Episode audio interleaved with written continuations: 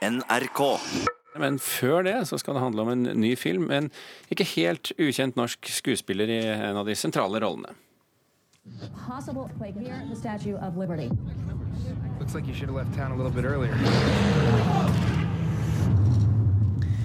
Ja, dette er fra Netflix-filmen The Cloverfield Paradox, som ble lagt ut i går. Og skuespiller Aksel Hennie, god morgen. God morgen.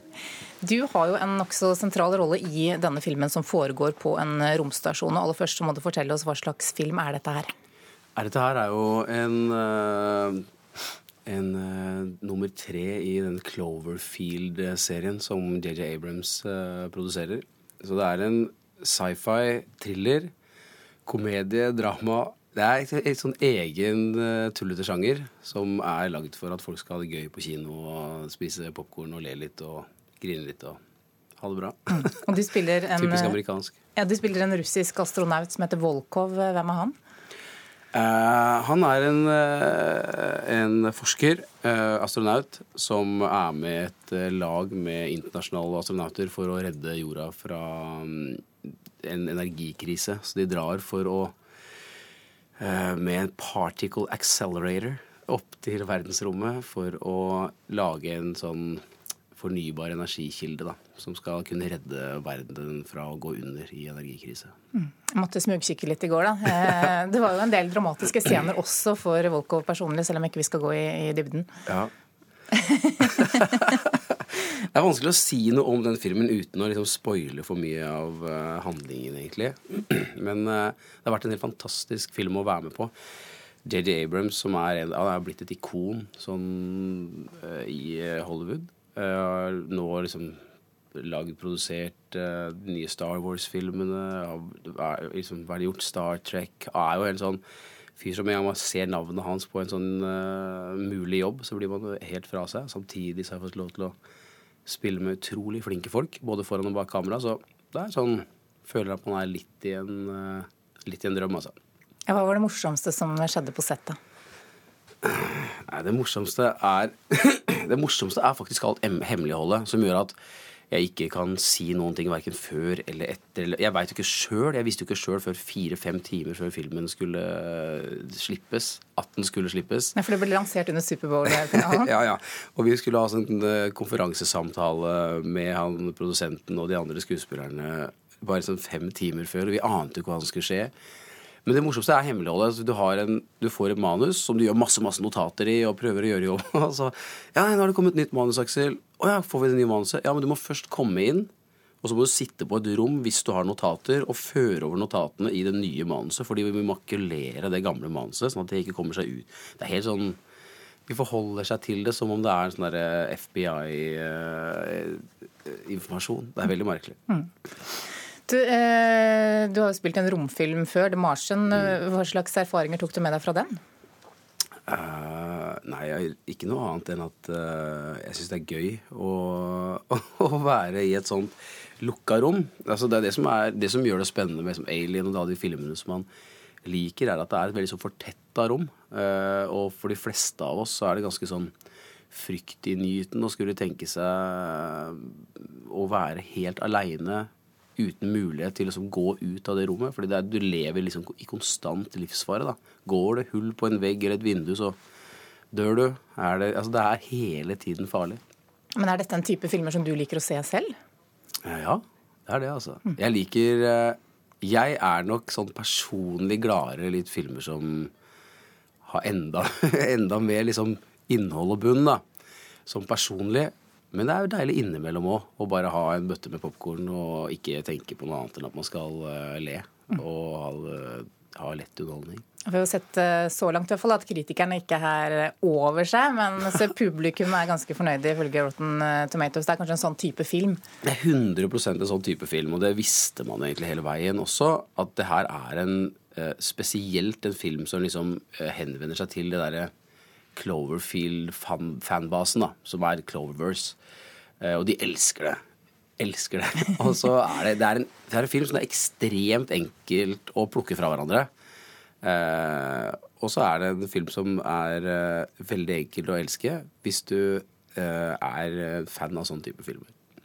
Du har jo jobbet eh, mye hjemme og ute, og både med film og TV-serie. Vi husker deg bl.a. fra Nobel. Hvor er det viktig å være nå, mener du? Er det i serieverdenen eller er det i filmverdenen? Jeg tror ikke det er en enten-eller. Altså det å, det å produsere film og det å spille i film eh, og det å se film har forandret seg enormt.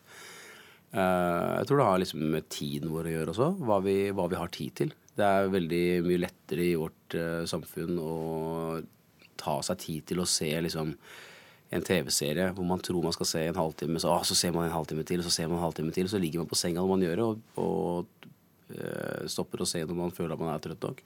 Det å gå i kino er kanskje litt sånn pes for folk, men jeg tror ikke det er, jeg ikke det er eh, enten eller. Jeg tror det er både og. Jeg tror det er plass til liksom begge deler. For meg så syns jeg mest, hele forskjellen synes jeg med film og kino som skuespiller, er at du i en TV-serie har muligheten til å være med en karakter over lengre tid. Det får også publikum lov til. Man får lov til å være med en, en karakter over liksom tolv episoder istedenfor én en enkel episode som en, en, TV, eller som en film er. Da. Og det syns jeg er utrolig spennende både som publikummer og utøver. Da. Mm. Det er mange som er spent på filmen om de to dødsdømte nordmennene i Kongo, mm. der du spiller Joshua French. Jeg vet ja. at det er mye hemmelighold, du kan ikke si så mye. Men hvordan har det vært å jobbe med en sånn type film sammenlignet med den som ble lansert eh, i går?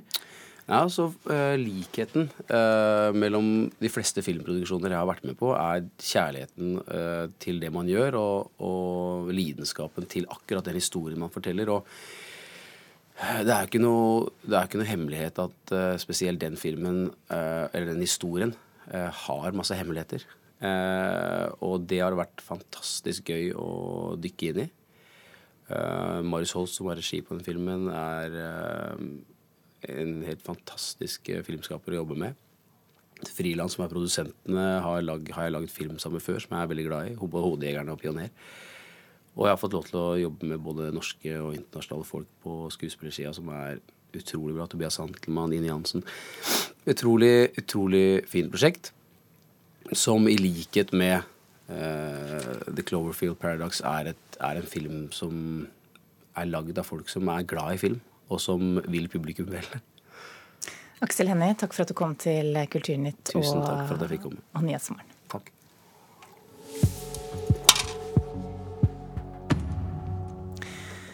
Skal vi over til noe helt eh, annet. Det er en skikkelig dårlig idé å legge Bjarne Melgaards dødshus inntil Edvard Munchs eiendom på Ekely i Oslo. Det mener motstanderne av kunstnerboligen som Melgaard og arkitektkontoret Snøhette har planlagt, og som kunstneren vil leve og dø i. Vi tok med to kamphaner på en utstilling om prosjektet som heter A House to Die In. Nå setter man to markante kunstnere inn i det samme miljøet. Det er Munchs område. Og dette vil bli Munch og Melgaards område. Jeg syns jeg så to så forskjellige kunstnere, og knytte de sammen på den måten mener jeg er veldig uheldig. Dette er billedkunstneren Halvard Haugerud. Han bor i kunstnerkolonien som ble bygget i Edvard Munchs hage i 1951. Vi føler ikke at vi har klistra oss opp til Munch. Det bor allerede 44 kunstnere på Ekeli som over generasjoner har arbeidet tett på Munchs atelier, uten at det Munchs ettermæle har tatt spesielt mye skade av det, og jeg vil påstå at kunstnerne som har jobba der, heller ikke har tatt vesentlig skade av det. Dette er Kjetil Trædal Thorsen. Han er arkitekt i Snøhetta, som har samarbeidet med kunstneren Bjarne Melgaard om A House to Die In, også kalt Dødshuset. Han irriterer seg over en misforståelse som stadig blir gjentatt i striden rundt prosjektet. Vi er jo den oppfatning at det må skilles tydelig mellom Ekeli, som i sin tid var Munchs 45 mål store tomt, og Kikkutkollen, som er en annen eiendom, hvor det sto en villa uh, under hele Munchs levetid på Ekeli. Så Munch hadde faktum aldri sett noe annet på Kikkutkollen enn et bygg. Snøhetta mener de har tilpasset prosjektet etter protestene.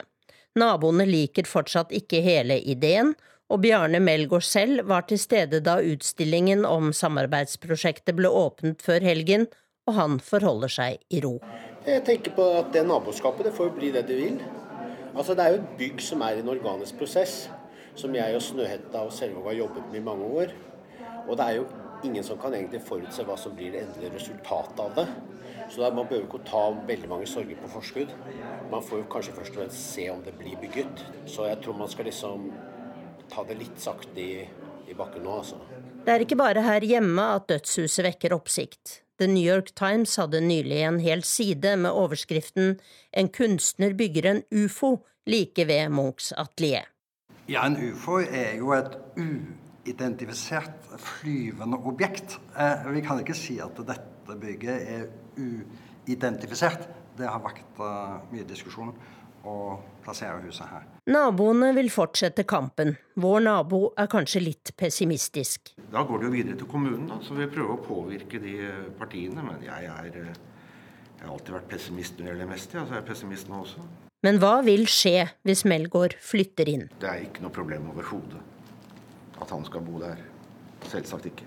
Blir det nabolagsfest? Ja, det blir det sikkert. Det er jo det som er planen. At, man skal, at det skal være en bolig. En kunstnerbolig. Reporter her, det var Tone Staude. Skuespiller Aksel Hennie, jeg takket deg litt tidlig, for du ville rett og slett bli igjen litt og, og høre saken. Hva syns du om dette prosjektet? Jeg elsker Bjarne Melgaard. Jeg har kunst han sjøl hjemme um, og har møtt han flere ganger. Og er uh, veldig glad i han både som menneske og som kunstner. Um, jeg syns bare det er liksom forfriskende at man har sånne kunstnerdebatter. Ja. Vi har jo en sånn uh, vi, har jo, er, vi har jo historikk for å behandle våre beste kunstnere litt sånn dårlig. Uh, så jeg tenker at da går liksom inn i, histori liksom, historikken vi har med liksom Nerdrum og Mare Melgaard og, og huske på at han er en av liksom en av de viktigste, kanskje etter hvert, uh, eksportartiklene vi har kunst, kunstnermessig. da. Så jeg tar liksom godt vare på han. Jeg syns han skal få bo akkurat hvor han skal bo. Jeg tror det å bo siden av Bjarne Melgaard bare er en stor inspirasjon for alle. Ja. ja, eh, Kulturkommentator her i NRK, Agnes Moxnes. Eh, vi hører også at New York Times omtaler huset som en ufo. Du må forklare aller først hvordan det ser ut. Ja, det er jo, Jeg syns egentlig det er en ganske god beskrivelse. Selv om det er landa på noen søyler av noen figurer som fungerer som søyler, så er det jo et spesielt originalt verk eller hus vi, vi, snakker om her. Det er laget, altså Snøhetta, eh, veldig berømte arkitektene som bl.a. tegnet operaen, har jo fått som oppdrag å på en måte gjøre Melgaards bilde og tegning av et hus, og han tegner jo ikke A4-tegninger av hus, om til et bygg. Eh, det er et svart, forkullet bygg eh, som står på disse søylene. Og så er vinduene på en måte sånn Du ser at det blir vinduer der hvor malestrekene er dratt eh, over lerretet. Så, så, dette er et interessant prosjekt både kunstnerisk og, og, arkitektonisk. Men det er selvfølgelig et spesielt hus å få i nabolaget sitt. Ok, Aksel Hennie, Jeg skal ikke gjøre deg til kulturkommentator, men jeg må bare spørre hvorfor tror du det er så stor eh, motstand? Nei, men Det er jo alltid motstand når man skal bygge et hus. Sånn er det bare. Naboer blir sure hvis man skal bygge et hus. Man vil jo helst Vi er jo som mennesker konservative i sjelen vår.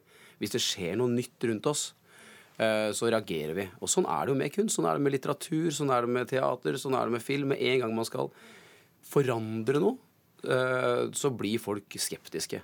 Det, er, det skjer jo overalt hele tida i samfunnet. Og så tror jeg nok at, eh, at Bjarne Melgaard er en kar som får eh, enkelte mennesker til å, å, se rødt. Og merker jo i den prosessen som har vært mot dette byggverket, at det, det mest usaklige delen av, av, argumentene som har kommet, har jo handlet om Bjarne Melgaard, og at Bjarne Melgaard vil liksom bosette seg og dø i, liksom, rett ved siden av Munch for liksom å få glans fra han. Men men, men, alle naboer vil jo altså Dette er et, et grøntområde i et villaområde. Det er naturlig at folk protesterer mot det. De vil ha sånne lommer eh, ved siden av seg. Og så er det viktig at man også tar hensyn til eh, det som er igjen av Munchs eiendom på, på Ekely. Det er liksom det vi har igjen etter ham. Sånn at de hensynene er nødt til å, å bli tatt. Og så får vi se, nå skal jo Riksantikvaren få dette her til behandling. Og så ender det vel opp i Oslo kommune etter hvert, så får vi se hva som skjer. Ja, For det er fortsatt en, en, lang vei frem? Ja, det har vært en lang vei, og det er nok en lang vei fremover. og Så får vi se hvem som trekker det lengste strået. Om det er utbyggerne, som det er Bjarne Melgaard og, og, og, og uh, Selvåg, eller om det er eh, naboene. Mm. Hva ja, med deg, Aksel Hennie, kunne du tenkt deg å sette opp et, eh, et sånn type hus? Bjarne kan få lov til å bygge hus i hagen min når som helst. okay, da, da skal jeg videresende den. Uh, den beskjeden til han. Takk skal dere ha begge to, Aksel Hennie og Agnes Moxnes.